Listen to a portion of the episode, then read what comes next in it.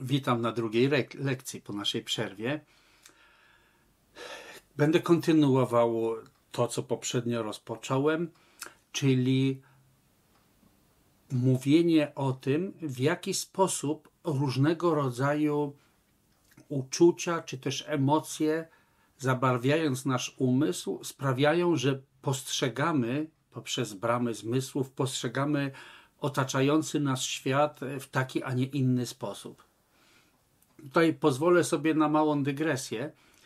Otóż y, spotkałem się kiedyś z wypowiedzią pewnego amerykańskiego dziennikarza. Z tego co wiem, nie był buddystą, ale ewidentnie był jakoś y, przychylnie nastawiony. On używał takiego, używał takiego porównania, że skoro nasza cywilizacja przez całe stulecia nastawiona na badanie zewnętrznych zjawisk, poznawanie, umiejętność przetwarzania, czyli to, co nazywamy cywilizacją techniczną, skoro dokonała tak wielkiego postępu, to zwróćmy uwagę, że w dalekiej Azji, krajach, w szczególności miał to na myśli e, w krajach, które e, przejęły tradycję buddyjską, chociaż w dużej mierze to dotyczy również e, subkontynentu indyjskiego, gdzie nie tylko w buddyjskiej tradycji tak wiele poświęcano właśnie obserwacji umysłu i badaniu zjawisk świadomości. Niemniej ten dziennikarz akurat mówił o buddyzmie, że skoro tam w pewnym momencie mniejszą wagę przykładano do tego rozwoju technicznego, co jak wiemy przez ostatnich y, kilka stuleci coś się zmieniło i Chiny przestały być tym przodującym technologicznie, y, przodującą cywilizacyjnie, technologicznie częścią świata. Wiemy, że w dawnych czasach to Chiny pod każdym względem były tym miejscem różnych wynalazków i, i największe największe technologiczne odkrycia tam miały miejsce. Wiele wskazuje na to, że współcześnie wracamy do normalności. Znowu Chiny zaczynają przodować, a przynajmniej wszystko wskazuje, że świat idzie w tym kierunku. Otóż, skoro przez całe stulecia tak wielu ludzi poświęcało całą swoją uwagę na badaniu wewnętrznych zjawisk świadomości, to prosty wniosek, jaki on wyciągnął, jest taki, że prawdopodobnie postęp w badaniu zewnętrznego świata musi być porównywany do tego, czy porównywalny do tego, jakiego postępu oni dokonali w badaniu, w obserwowaniu, w poznawaniu zjawisk świadomości. Myślę, że widać to na prostych przykładach. Jeżeli na przykład my żyjemy w świecie, gdzie do tej pory, mam na myśli my tu w Polsce, gdzie do tej pory e, nie zmierzało wszystko w kierunku suszy, to mieliśmy tak wiele określeń na różne rodzaje deszczu. Oberwanie chmury, ulewa, e, mrzonka, mrzy się mówiło. Mrzonka to co innego. Żabami rzucało, ktoś mi tu podpowiada, dż, i tak dalej. Jest bardzo wiele słów na temat e, określających różne rodzaje deszczu i każdy słysząc to słowo wie od razu o czym mówimy. Słyszałem, że podobno na Grenlandii mieli 17 różnych wyrazów na śnieg. Każdy określa inny rodzaj śniegu. Tymczasem, ponieważ tak mało zajmowaliśmy się stosunkowo w porównaniu ze wschodem, tak mało zajmowaliśmy się e, badaniem zjawisk umysłu, jeśli popatrzymy na takie proste, podstawowe uczucia, jak na przykład uczucie pragnienia, ile mogę podać podobnych temu wyrazów? Pragnienie, żądza, pożądanie, chęć, chcica to chyba co innego. Na pewno by mi wystarczyło palców u rąk, gdybym szukał e, coraz bardziej to wysublimowanych synonimów. Podobnie gniew, nienawiść, niechęć, złość, kilka wyrazów i kończy nam się e, kończy nam się słownictwo. Co więcej, nie mamy chyba jasno sprecyzowane, które z tych uczuć jest czym, jest dokładnie czym, które z tych słów określa jaki stan umysłu. Nie ma takiego jasnego rozgraniczenia. Tym bardziej na przykład, tym bar, tymczasem na przykład w tradycji buddyjskiej, mówiąc tylko o trzech podstawowych em, emocjonalnych stanach, czy trzech podstawowych stanach umysłu, chcenie czegoś, niechcenie i obojętność. W przypadku chcenia mówi tradycja buddyjska o 40 różnych rodzajach pragnienia.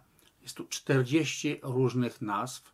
Każda z nich jest dokładnie sprecyzowana, zdefiniowana, bo to wynika po prostu z doświadczenia w badaniu zjawisk umysłu. Jeśli mówimy o gniewie czy niechęci, wylicza się dokładnie 33 rodzaje gniewu lub niechęci.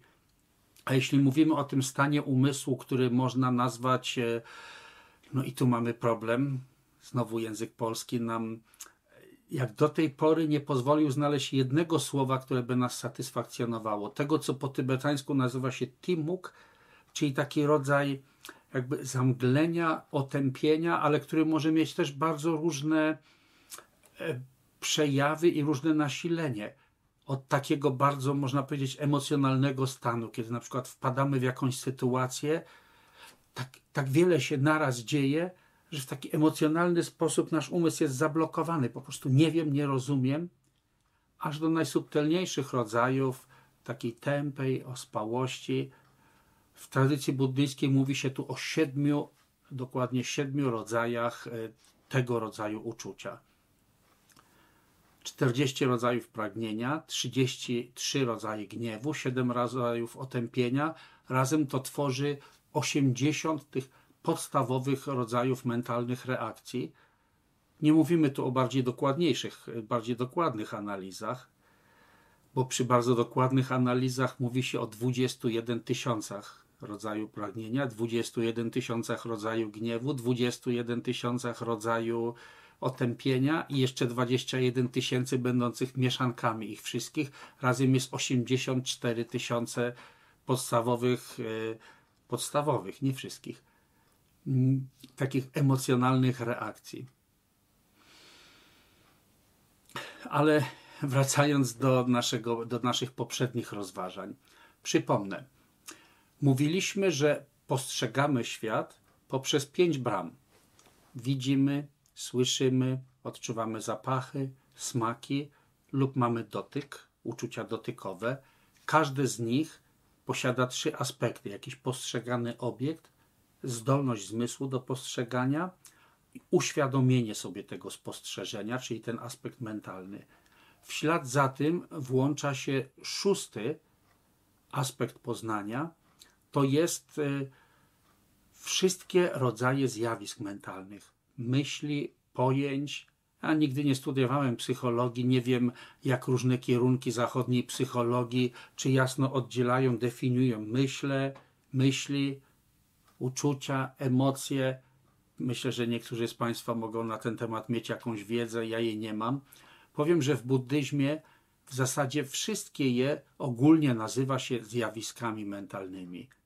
Myśli, uczucia, pojęcia, bardziej intensywne myśli nazywamy e, często różnego rodzaju emocjami, choć bywa tutaj e, wiele nieporozumień co do tych e, określeń, co do tych określeń emocje, bo istnieje taka kategoria emocji, która w sanskrycie nazywa się klesia, po tybetańsku ninmong ponieważ język tybetański jest bardzo specyficznym językiem, ponieważ był to język, ten, który jest używany w tekstach buddyjskich, język można powiedzieć wręcz sztucznie stworzony po to, żeby przekładać teksty buddyjskie, żeby oddawać nauki buddyjskie i często jest nawet bardziej precyzyjny niż sam sanskryt czy język palijski. Są różne języki, w których spisane są nauki buddyjskie ponieważ każdy z tych języków był językiem, który już istniał od jakiegoś czasu, mam na myśli te na subkontynencie, subkontynencie indyjskim, istniał od jakiegoś czasu w społeczeństwie, które miało bardzo rozbudowaną i głęboką tradycję filozoficzno-religijną. Każdy z wyrazów miał już określone konotacje. I kiedy się go używało po to, żeby oddać być może jakieś nowe myśli czy treści, to zawsze jest problem z tym, że dane słowo ma już pewne skojarzenia. Tymczasem, tymczasem kiedy buddyzm e, przynoszono do Tybetu, Język tybetański był prostym językiem koczowniczych plemion, nie mieli nawet własnego e, pisma, dopiero, e, dopiero bazując na alfabecie indyjskim stwarzano alfabet tybetański i do przekładu tekstów buddyjskich musiano tworzyć bardzo wiele nowych pojęć, które wcześniej nie istniały.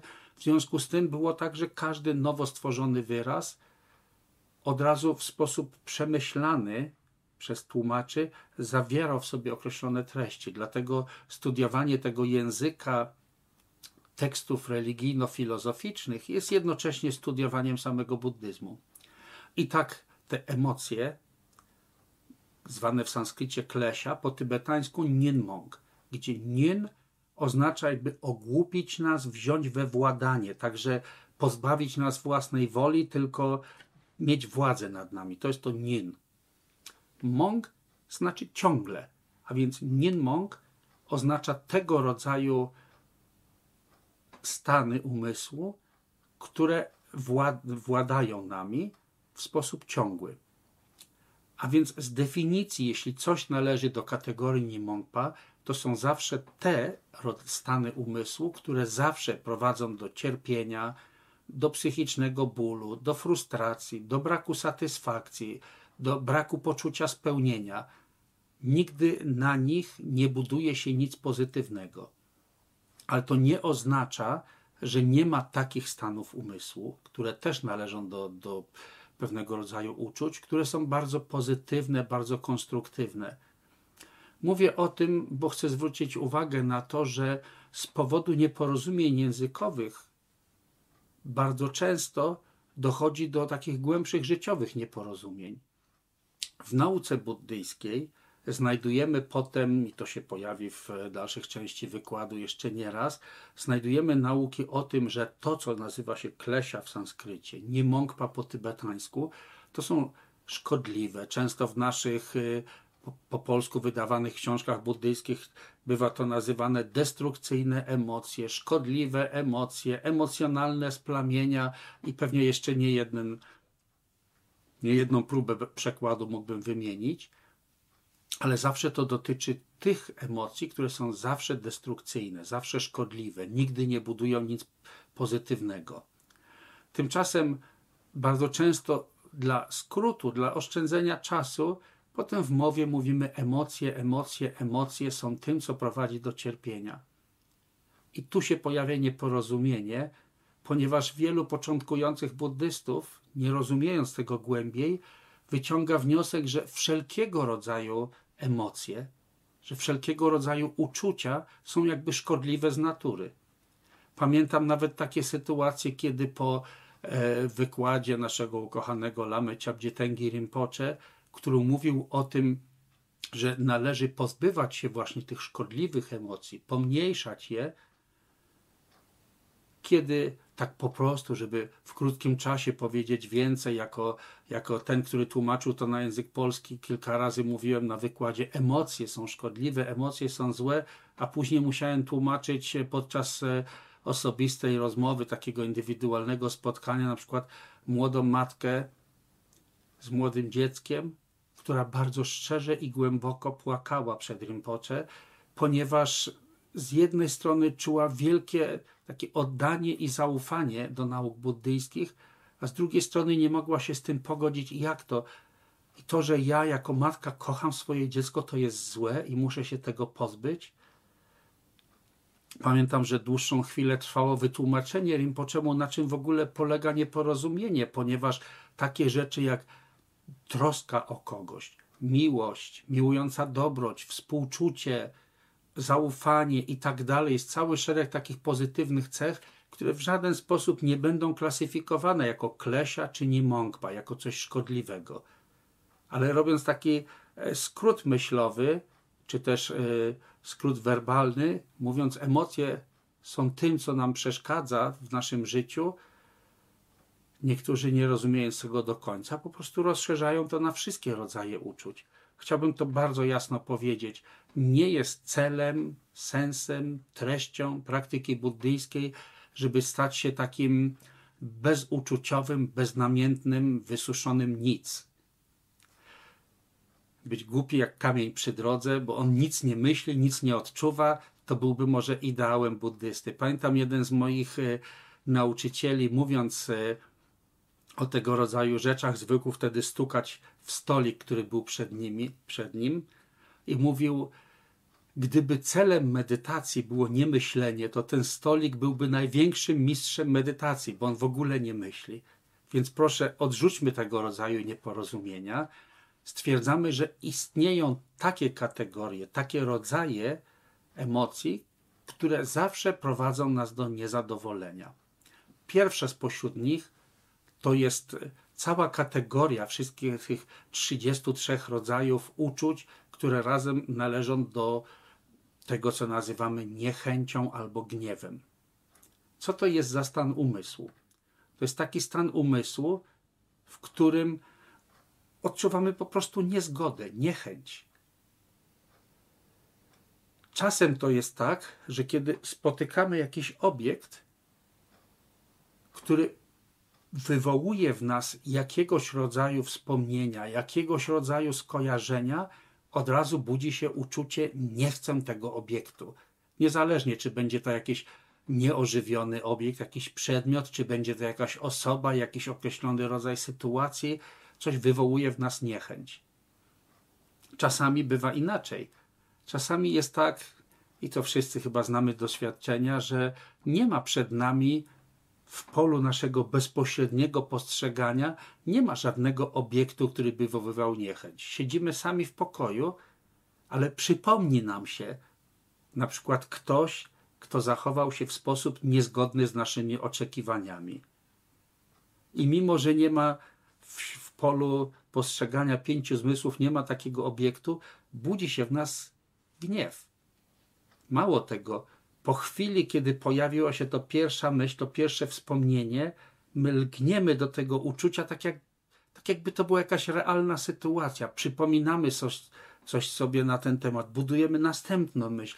No ależ jak on mógł się tak zachować? Ale dlaczego on tak zrobił? To było niesprawiedliwe. A ja powinienem był zrobić to czy tamto. Pojawia się cały ciąg myśli, pojawia się w nas gniew. Ba, Oby nie zdarzyło się, że wtedy na przykład ukochana osoba zdarzy, pojawi się w pobliżu. Bo bardzo często bywa tak, że jej się zupełnie niepotrzebnie i niesłusznie oberwie. Po prostu dlatego, że jak jestem rozgniewany, to automatycznie wszystkie rodzaje moich reakcji fizycznych, werbalnych będą zwykle pod wpływem e, tego gniewu. Nie zawsze tak musi być, ale czasami bywa tak, że zranimy naszych najbliższych po prostu dlatego, źle nam poszło w pracy. Więc bardzo często bywa tak, że pojawia się uczucie gniewu, a my od razu szukamy obiektu, na kogo mogę teraz skierować swój gniew. Oczywiście robimy to w sposób nieświadomy, niezamierzony, a jednak po prostu pod wpływem takiego braku zrozumienia, braku uważności. Więc pokrótce, uczucie gniewu jest takim uczuciem niezgody na coś. Nie chcę, nie lubię. Ono może się przejawiać w różnym stopniu, różnym zakresie intensywności. Czasami bywa tak, że ktoś owładnięty gniewem po prostu nie potrafi powstrzymać swojego ciała ani mowy, tak żeby ten gniew wyrazić. Ba, w przypadku największych takich e, ataków nienawiści, Ludzie potrafią naprawdę ranić również swoich najbliższych, których bardzo kochają i potem bardzo żałują swoich czynów. Wiemy, jak wiele zła powstało, ile wojen, ile morderstw pod wpływem właśnie gniewu odczuwanego wobec kogoś, innych. Jakiś obiekt zawsze się znajdzie, kiedy jest w nas skłonność do gniewu. Ale nie zawsze to musi być aż tak intensywne. Wyobraźmy sobie sytuację, że znajdujemy się e, w jakimś pubie na przykład który niezupełnie pasuje do naszych nagromadzonych wzorców, stworzonych w umyśle wzorców. Ktoś na przykład może, ojej, tu za muzyka, nie da się pogadać. Ojej, jakie tu bezguście, jak to jest urządzone nie tak. Ale mimo, że będzie czuł się niezadowolony z powodu gniewu, posiedzi, dokończy swoją kawę czy dokończy swoje piwo, po czym wstając postanowi nigdy więcej tu nie wrócę.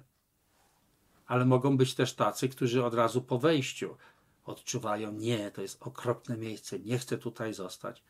Czasami gniew będzie mniej intensywny, patrzymy po prostu na coś i myślimy sobie, to mi się nie podoba. Tego, tego nie akceptuję, ale w sumie to nie jest aż takie ważne. I mimo wszystko, że jakieś tam miejsce, sytuacja nam nie odpowiada, mamy w sobie tylko trochę uczucia niechęci, ale mimo wszystko nie zmusi nas to uczucie do działania, do na przykład opuszczania tej sytuacji czy walczenia przeciw komuś. Ale w każdej takiej sytuacji, od tego najintensywniejszego gniewu, który, który chce, żeby odrzucić z naszego życia jakiś obiekt, zniszczyć, pozbyć się, albo przynajmniej samemu siebie, samego siebie wycofać z tej sytuacji, poprzez coraz subtelniejsze, coraz mniej intensywne odczucia związane z gniewem, takie jak nie chcę, nie lubię, ale trudno, muszę to jakoś tolerować. Aż po najsubtelniejsze, takie kiedy po prostu spoglądamy na przykład na jakieś malowidło czy jakiś przedmiot. Nie, to nie dla mnie. W każdym tym przypadku oznacza to, że po tym, kiedy nasze zmysły postrzegły jakiś obiekt, formę, dźwięk, zapach i tak dalej, w ślad za tym pojawiła się ta mentalna reakcja związana z niechęcią czy gniewem. I w zależności od tego, jak będzie to silne uczucie, będziemy pod tym wpływem, pod wpływem tego działać albo po prostu czuć się niezadowoleni. Inaczej jest w przypadku pragnienia. Kiedy kontakt z jakimiś obiektami budzi w nas, wywołuje w nas uczucie zadowolenia, kojarzy nam się z czymś przyjemnym, no to pojawiają się całe konsekwencje tego. Wiemy też, że również wiele cierpienia w tym świecie powstało z powodu tego, że ktoś nie był w stanie opanować swoje pragnienia. No już niemalże legendarna wojna o Helenę, gdzie nie wiem na ile, na ile to było tylko spowodowane uczuciem pragnienia i przywiązania do Heleny, a na ile to był tak naprawdę pretekst do, do wywołania wojny, gdzie głębsze powody były wcześniej. To nie czas teraz na te analizy. Ale wiemy, że jak wielu ludzi, którzy nie potrafili powstrzymać tego, że pragną zdobyć jakiś obiekt, to żeby zrealizować te pragnienie, potrafili krzywdzić innych, potrafili krzywdzić siebie. Ale weźmy takie bardziej dotyczące bezpośrednio nas sytuacje, kiedy na przykład pojawia się chociażby jakiś nowy gadżet i myślimy sobie najpierw, aha, jest to niezwykłe urządzenie, jak będę miał ten i ten telefon, to będę wszystkie troski mojego życia znikną. Od tej pory, no, jeśli ktoś na poważnie bierze reklamy, to da się przekonać, że od tej pory życie będzie piękne, od tej pory wszystko będzie wspaniałe. Będziesz doceniany przez innych, bo masz takie, a nie taki telefon. Słyszałem parę lat temu o na przykład kilkunastoletnim chłopaku w Chinach, który e, pozwolił sobie wyciąć nerkę i sprzedał po to, żeby mieć najnowszego iPhone'a. No to jest oczywiście skrajnie nierozsądny przykład, ale przykład tego, do czego może prowadzić pragnienie zdobycia jakiegoś obiektu, dlatego że jesteśmy przekonani, jak będziemy ten obiekt, to już będziemy szczęśliwi. Jak będziemy mieli ten obiekt zawsze blisko nas, zawsze przy sobie, to będzie wspaniale. Oczywiście wiemy, że tak nie jest. Zawsze, kiedy pojawia się to, że coś lubię, coś mi się podoba. Niekoniecznie, że jestem gotów wykonać wysiłek, żeby to zdobyć, ale nawet kiedy tylko przechodzimy i widzimy na przykład na wystawie jakieś, jakąś rzecz, o której myślimy, o, to jest ładne, to już znaczy, że w tym momencie, po tym, kiedy nasz wzrok dostrzegł tę formę, pojawiła się myśl zabarwiona naszym pragnieniem lubię, to znaczy coś, co, co mi pasuje, coś, co odpowiada moim schematom. Za chwilę może przechodzić inny człowiek, który pomyśli, nie, to jest bez sensu. Ta, ta sama rzecz będzie budzić w jego umyśle niechęć. I cały rodzaj myśli, ba, życie pokazuje, że te emocje są tak silne, dlatego one są nie mąk, owład, owładnęły nas, że jak się czegoś pragnie, to zaraz dobudujemy do tego całą filozofię i uzasadnienie, żeby tak było. Ile razy w życiu widziałem, jak na przykład ktoś kogoś kochał, na przykład mówili przyjaciele, rodzina, jakiejś dziewczynie, to jest nic po nich, nic, nic z tego nie będzie, nie wchodź w tę relację. Nie, ale ona widziała cudownego Boga. Spotkanie z Nim uszczęśliwi ją już do końca świata, bo uczucie pragnienia dyktuje to, że znajdzie uzasadnienie takie, takie, ale przecież ja go zmienię po ślubie, ale przecież zrobimy to i tamto i znajduje się całe uzasadnienie. Potem, kiedy pojawia się niechęć i gniew, potrafimy dobudować całą teorię i logiczne uzasadnienie, dlaczego właśnie jednak nie powinniśmy utrzymywać tej relacji, dlaczego i tak dalej. Zwykle to jest tak, że emocje wygrywają. Rzadko stać nas na to, żeby zdrowy rozsądek wygrał. Oby jak najczęściej wygrał zdrowy rozsądek, ale jeśli tak dokładnie będziemy obserwować swoje życie, to zauważymy, że częściej wygrywają emocje.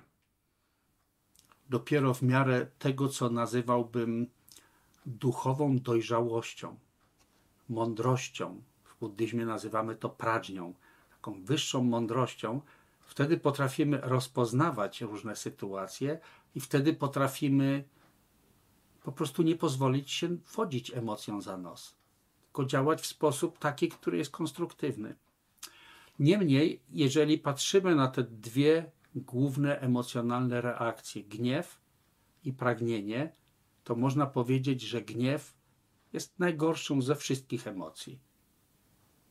Już nawet teraz, kiedykolwiek odczuwamy gniew czy niechęć, po prostu nie ma w tym zadowolenia. Tak jak ten wielki mistrz Shantideva mówi, tak jak woda i ogień nigdy nie mogą być naraz w tym samym miejscu.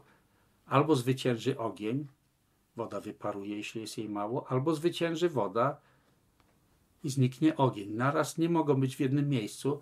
Tak samo poczucie szczęścia i gniew po prostu nie mogą istnieć w jednym miejscu. Gdzie jest gniew, tam zawsze jesteśmy nieszczęśliwi i przede wszystkim to siebie samych unieszczęśliwiamy, a co dopiero mówić e, o reakcjach wywołanych gniewem i jak bardzo możemy innym e, przysporzyć różnego rodzaju kłopotów i cierpienia. Z pragnieniem jest trochę mniej źle. Dlatego, że jak pragniemy jakiegoś obiektu, to po tym, gdy zdobędziemy obiekt, przynajmniej przez chwilę czujemy zadowolenie. Tylko zapominamy o tym, że zarówno gniew, jak i pragnienie są pewnego rodzaju mentalnymi przyzwyczajeniami, są takimi nawykowymi reakcjami. Jeśli utrwalimy w umyśle skłonność do reagowania na różnego rodzaju sytuacje gniewem i niechęcią, to ta skłonność, ta, ten mentalny nawyk po prostu wciąż i wciąż powraca. Później wchodzimy w nową sytuację, i od razu z założenia reagujemy gniewem. Ilu znam takich ludzi niestety, którzy na przykład zmieniają pracę, potem kolejną pracę, potem kolejną pracę i ciągle spotykają ludzi, z którymi nie da się pracować.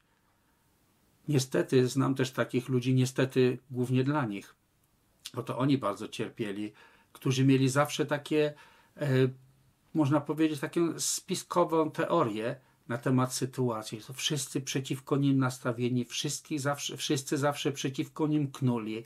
Znam takich, którzy z jednego do drugiego ośrodka buddyjskiego przeprowadzali się zawsze w nowym miejscu, jak to się mówi, nadawali na to stare miejsce, przekonani, że tutaj to już odnajdą prawdziwe szczęście i spełnienie.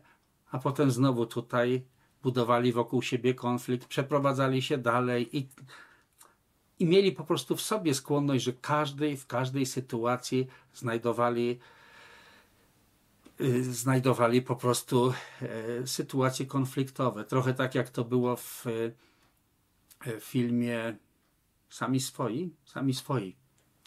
Jak już na ziemię odzyskane Kargul czy Pawlak? Pawlak to był chyba, już nie, nie pamiętam dobrze. Jak wreszcie zobaczył z pociągu, że tam kargule się usadowili, bo to jest na pewno ich krowa, jak Kargul w końcu, czy Pawlak mówi, po co szukać nowych wrogów, jak mamy na własnej piersi wyhodowanych? Wiadomo było, że wrogów trzeba mieć. Niektórzy bardzo nieświadomie ciągle prowokują takie sytuacje. Podobnie jest z pragnieniem. pragnienie jest pewnego rodzaju mentalnym przyzwyczajeniem. Co to jest pragnienie? To jest takie uczucie, że czuję się niezadowolony, bo mam poczucie, że mi czegoś brak. Jestem niezadowolony, bo mi czegoś brak. Żeby to niezadowolenie zniknęło, muszę coś zdobyć. Pragnienie jest takim chęcią zdobywania czegoś, ale skąd się bierze? Bo mamy to poczucie braku czegoś. I ogłupiamy siebie zwykle, mimo że jesteśmy bardzo inteligentni, przynajmniej za takich się uważamy, a ciągle samych siebie ogłupiamy, myśląc, że jak zdobędziemy kolejny obiekt, to wreszcie pragnienie zniknie i już się poczujemy dobrze. Przez chwilę tak. Dlatego powiedziałem, że pragnienie nie jest aż tak złe jak gniew, bo przez chwilę, jak się zdobędzie obiekt, to jest takie poczucie satysfakcji. Przez chwilę jesteśmy zajęci tym nowym gadżetem, albo tą nową osobą, albo tą nową sytuacją. Jakie to jest cudowne, ale to trwa tylko przez pewien czas, a potem mentalny nawyk ciągle powraca. Znowu powraca poczucie, no dobrze, ale jestem niezadowolony, bo mi czegoś brak. Jest to po prostu zwykły mentalny nawyk, zwykły taki nauk bycia niezadowolonym, bo mi czegoś brak. Jak już na, na chwilę nacieszymy się nowym obiektem, to zaraz potem znowu, no dobrze, ale czegoś mi w życiu brak, czegoś bym więcej potrzebował.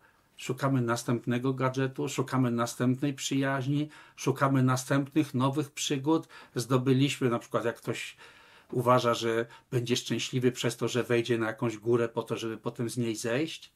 Ja jestem taki szczęśliwy, bo wszedłem na górę, na którą weszło mało ludzi. No dobrze, ale jest jeszcze jedna góra, na której jeszcze mniej ludzi było. Wejdzie na tamtą, jeszcze mi mało. I dokąd i kiedy nigdy się nie skończy, nigdy się nie zaspokoi pragnienia. Oczywiście już domyślam się, że może budzić się w kimś bunt i myślę, że dobrze, jak przestanę czegokolwiek pragnąć, to będę siedział, do dzisiaj byśmy żyli w jaskiniach i tak dalej. Znam te wszystkie argumenty, słyszałem je w domu od ojca i, i sam też miałem takie przemyślenia, ale mój drogocenny nauczyciel Ciabdzie Tengarim Pocze bardzo często mówił, należy umieć odróżnić spełnianie podstawowych potrzeb, czy również takie pragnienie, które prowadzi do jakiegoś rozwoju, od tego, co jest zaślepiającą nas skłonnością, która sprowadza się do tego, że całe życie tylko szukamy nowych obiektów, otoczyć się jeszcze czymś nowym, zdobyć coś jeszcze, zdobyć jeszcze większy tytuł, zdobyć jeszcze większe uznanie, jeszcze więcej, jeszcze więcej i w końcu umrzeć z poczuciem, że i tak nie osiągnęliśmy wszystkiego, co by się dało zdobyć.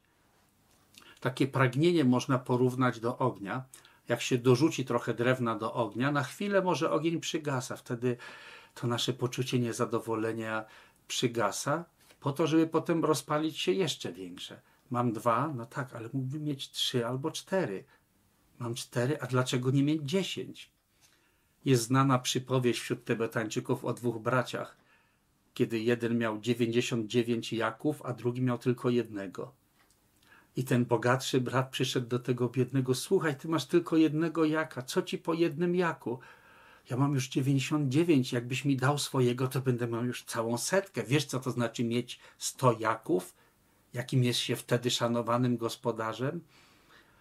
I ten biedny, dla którego ten jeden jak był jedynym środkiem do utrzymania rodziny, w swojej dobrotliwości po prostu oddał jaka bratu, który zaczął pragnąć tylko jeszcze więcej, a ten, który miał tak mało i stracił wszystko, stał się jeszcze bardziej nieszczęśliwy. Zawsze opowiadają to jako przykład tego, jak y, takie nienasycone pragnienie po prostu może prowadzić do tego, że sam ktoś zdobywając kolejne obiekty i tak nie będzie szczęśliwy i w pełni usatysfakcjonowany, a zabierając innym z powodu swojego pragnienia, możemy sprowadzić na nich nieszczęście i pragnienie, więc jest tu gdzieś granica zdrowego rozsądku, od której właśnie uleganie tylko swojemu, nie, swojej niechęci i gniewowi, niezdolność akceptowania różnych sytuacji, uleganie tylko swoim pragnieniom staje się czymś bardzo nierozsądnym. My zwykle jesteśmy jak ktoś, kogo pragnienie lub gniew chwyta za nos i go pociąga w tą czy w tamtą stronę. Ile razy jest tak, że jak czegoś nie lubię, równa się nie mogę. A gdybyśmy mieli trochę zdrowego rozsądku i takiego dystansu do siebie i potrafilibyśmy z mądrością zobaczyć, no aha, ale jeśli jeden raz, mimo że nie lubię tego rodzaju pracy, wykonam ją, to dobre konsekwencje będą takie, takie, takie i w przyszłości mogą być z tego tak wielkie korzyści dla mnie i dla wszystkich. Ile razy jest tak, że jak czegoś pragniemy, ale nie musimy koniecznie zrobić. Nie musi być tak, że pragnę równa się muszę. Potrafimy odstąpić od realizacji jakiegoś pragnienia, jak wiele dobrego może z tego potem powstać. A są takie sytuacje, że kiedy mądrości i tej zdolności zauważania w sobie tych swoich emocji i zdecydowania, że w niektórych sytuacjach można pozwolić sobie na przeżycie zrealizowania jakiegoś pragnienia, może to się okazać czymś wcale niezłym. Drobny przykład.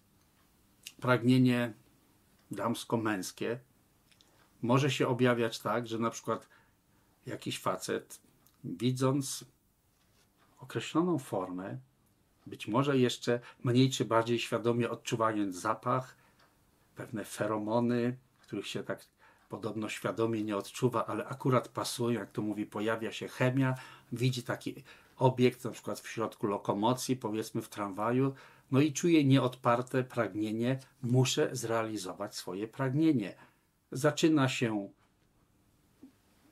uśmiechać i mizdrzyć do tego obiektu i okaże się, że ten osiłek, który siedzi zaraz za nią, uważa się za właściciela tego obiektu może się to okazać tragiczne w skutkach, to że pragnienie okazało się czymś niepohamowanym.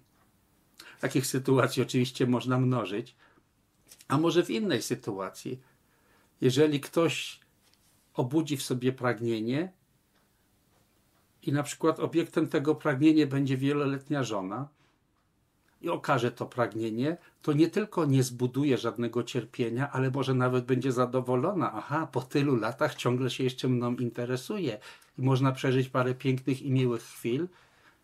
I to nie jest tak, że nie wolno nigdy pójść za swoim pragnieniem, ale trzeba mieć ten rodzaj zdrowego rozsądku, po prostu mądrości, która pozwala nie ulegać zawsze swoim szkodliwym emocjom. Dalej, trzeci rodzaj uczucia, o którym mówimy, to jest rodzaj obojętności. Ten rodzaj takiej neutralności, kiedy coś ani nam się nie podoba, ani nie, nie podoba, jest nam zupełnie obojętne. To jest powiedziane, że ma to miejsce wtedy, kiedy nasz umysł jest zabarwiony właśnie tym trzecim z uczuć, tym timuk, które ma siedem różnych odcieni i który właśnie reagujemy na niego albo tak silnie emocjonalnie, na tym mi nie zależy, to w ogóle mnie nie dotyczy, a czasami to może być takie tępe, ospałe, takie sytuacje, kiedy na przykład jedziemy gdzieś w długiej podróży, mam nadzieję, że nie jesteśmy wtedy kierowcą, kiedy tempo patrzymy się za okno, ani nie śpimy, ani o niczym tak naprawdę nie rozmyślamy, tylko tylko tak patrzymy. To jest typowy stan umysłu, kiedy, kiedy jest on owładnięty poprzez ten rodzaj timuk, czyli takiej ospałości, otępienia. Niemniej niektórzy mówią, że jeżeli jakiś obiekt, jakąś sytuację, kogoś postrzegamy poprzez timuk, to najczęściej jest to głupota, bo to znaczy, że nie zrozumieliśmy, że to coś może być dla nas albo bardzo pożyteczne, albo że może kiedyś okazać się dla nas bardzo szkodliwe. Ale to jest tak pół żartem. Mamy więc te trzy rodzaje mentalnych reakcji. Do tego istnieją jeszcze dwie główne, które zaliczają się do kategorii pięciu podstawowych e, kleś, czyli nimongpa, które też czasami nazywa się po prostu trucizną umysłu, truciznami umysłu. Jedna z nich to jest duma, Czyli po prostu poczucie, że jestem lepszy od innych, no, no bo oni są gorsi. Mają gorsze właściwości. I tu można być dumnym z powodu pochodzenia, z powodu swojego ciała, bardziej sprawnego, wysportowanego, uważanego za ładne, chociaż to jest oczywiście też bardzo subiektywne. jedna z moich takich e, serdecznych przyjaciół, Azjatka mieszkająca z centralnej Azji, mieszkająca w Polsce od bardzo dawna, opowiadała coś, co mnie e, bardzo poruszyło, pokaz, pokazało mi, jak bardzo pewne rzeczy zależy, są w pewnym sensie, można powiedzieć, umowne. Otóż mówi, że w młodości chłopaki w jej kraju za nią się uganiali. Ideał piękna. Krótkie nogi, buzia okrągła jak księżyc. To było właśnie to, co było piękne. Ale później przyszły czasy, kiedy zawitały wszędzie filmy z Hollywood i nagle ideał piękna nawet w tym kraju się zmienił. Długie nogi, długi wystający nos zamiast pięknego płaskiego, buzia podłużna zamiast okrągłej, i piękne przestało być piękne. Wystarczy, że się zmieniły wzorce. Wiemy, że i w naszej kulturze też chociażby stosunek do e, rozmiarów ciała, niekoniecznie tych wzdłuż, tylko bardziej tych wszerz, jak na przestrzeni stuleci w Europie, jak się ideał piękna zmieniał i to stosunkowo współcześnie też. To jest e, zupełnie inny temat na marginesie. Więc można być dumnym z powodu swojego ciała, mimo że nie jest to obiektywnie piękne, tylko jest to kwestia pewnej umowy. Można być dumnym z powodu swojego intelektu, z powodu stanu posiadania, ale jakkolwiek byśmy nie popatrzyli na którykolwiek z tych aspektów, zawsze znajdą się tacy, którzy są jeszcze lepsi. Niemniej, nawet przywódca żebraków może czuć się dumny z tego, że w tej grupie ma władzę nad innymi, mimo że inni będą może patrzeć na niego z góry, on ma w sobie uczucie, że jest lepszy pod jakimś względem. To uczucie bycia lepszym nie powinno być w żaden sposób mylone z poczuciem godności, z zaufaniem do siebie, z wiarą we własne siły, bo to jest coś bardzo pozytywnego, konstruktywnego. Ja mówię o takim rodzaju arogancji, który polega na wywyższaniu siebie nad innych, bo to zawsze się skończy rozczarowaniem, zawsze się skończy budowaniem niedobrych sytuacji. I wreszcie jest jeszcze jedno uczucie, które tłumaczymy zwykle jako tradok, czyli taka y, niezdolność do znoszenia rywali. Czułem się z jakiegoś powodu wyjątkowy, a tu pojawiają się tacy, którzy zdają się mnie dorównywać albo nawet przewyższać mnie w jakichś właściwościach. Ta niezdolność tolerowania rywali zazdrość, czy jakiś rodzaj zawiści, który polega na tym, że próbujemy ich później jakoś niszczyć, oczerniać. To jest podstawa czy przyczyna bardzo wielu walk, tarć. To jest piąta trucizn umysłu. Każde z tych uczuć samo w sobie nie jest złe. Nie jest czymś szkodliwym. Każde z nich dałoby się wykorzystać ale to już jest e, dalsza historia. Przy jednym z dalszych spotkań będę mówił, że istnieją różne, różne sposoby podejścia do pracy z tymi emocjami. Pierwsze, takie najbardziej, teraz tylko mm, wspomnę o tym, w jakim kierunku te rozważania pójdą.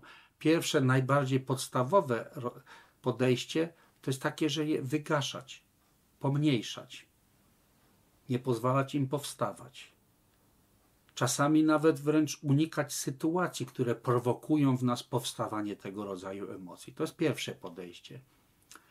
Drugie podejście polega na neutralizowaniu ich. Albo poprzez wzbudzaniu w sobie, wzbudzanie świadome w sobie, wzbudzanie takich cech, które są przeciwstawne.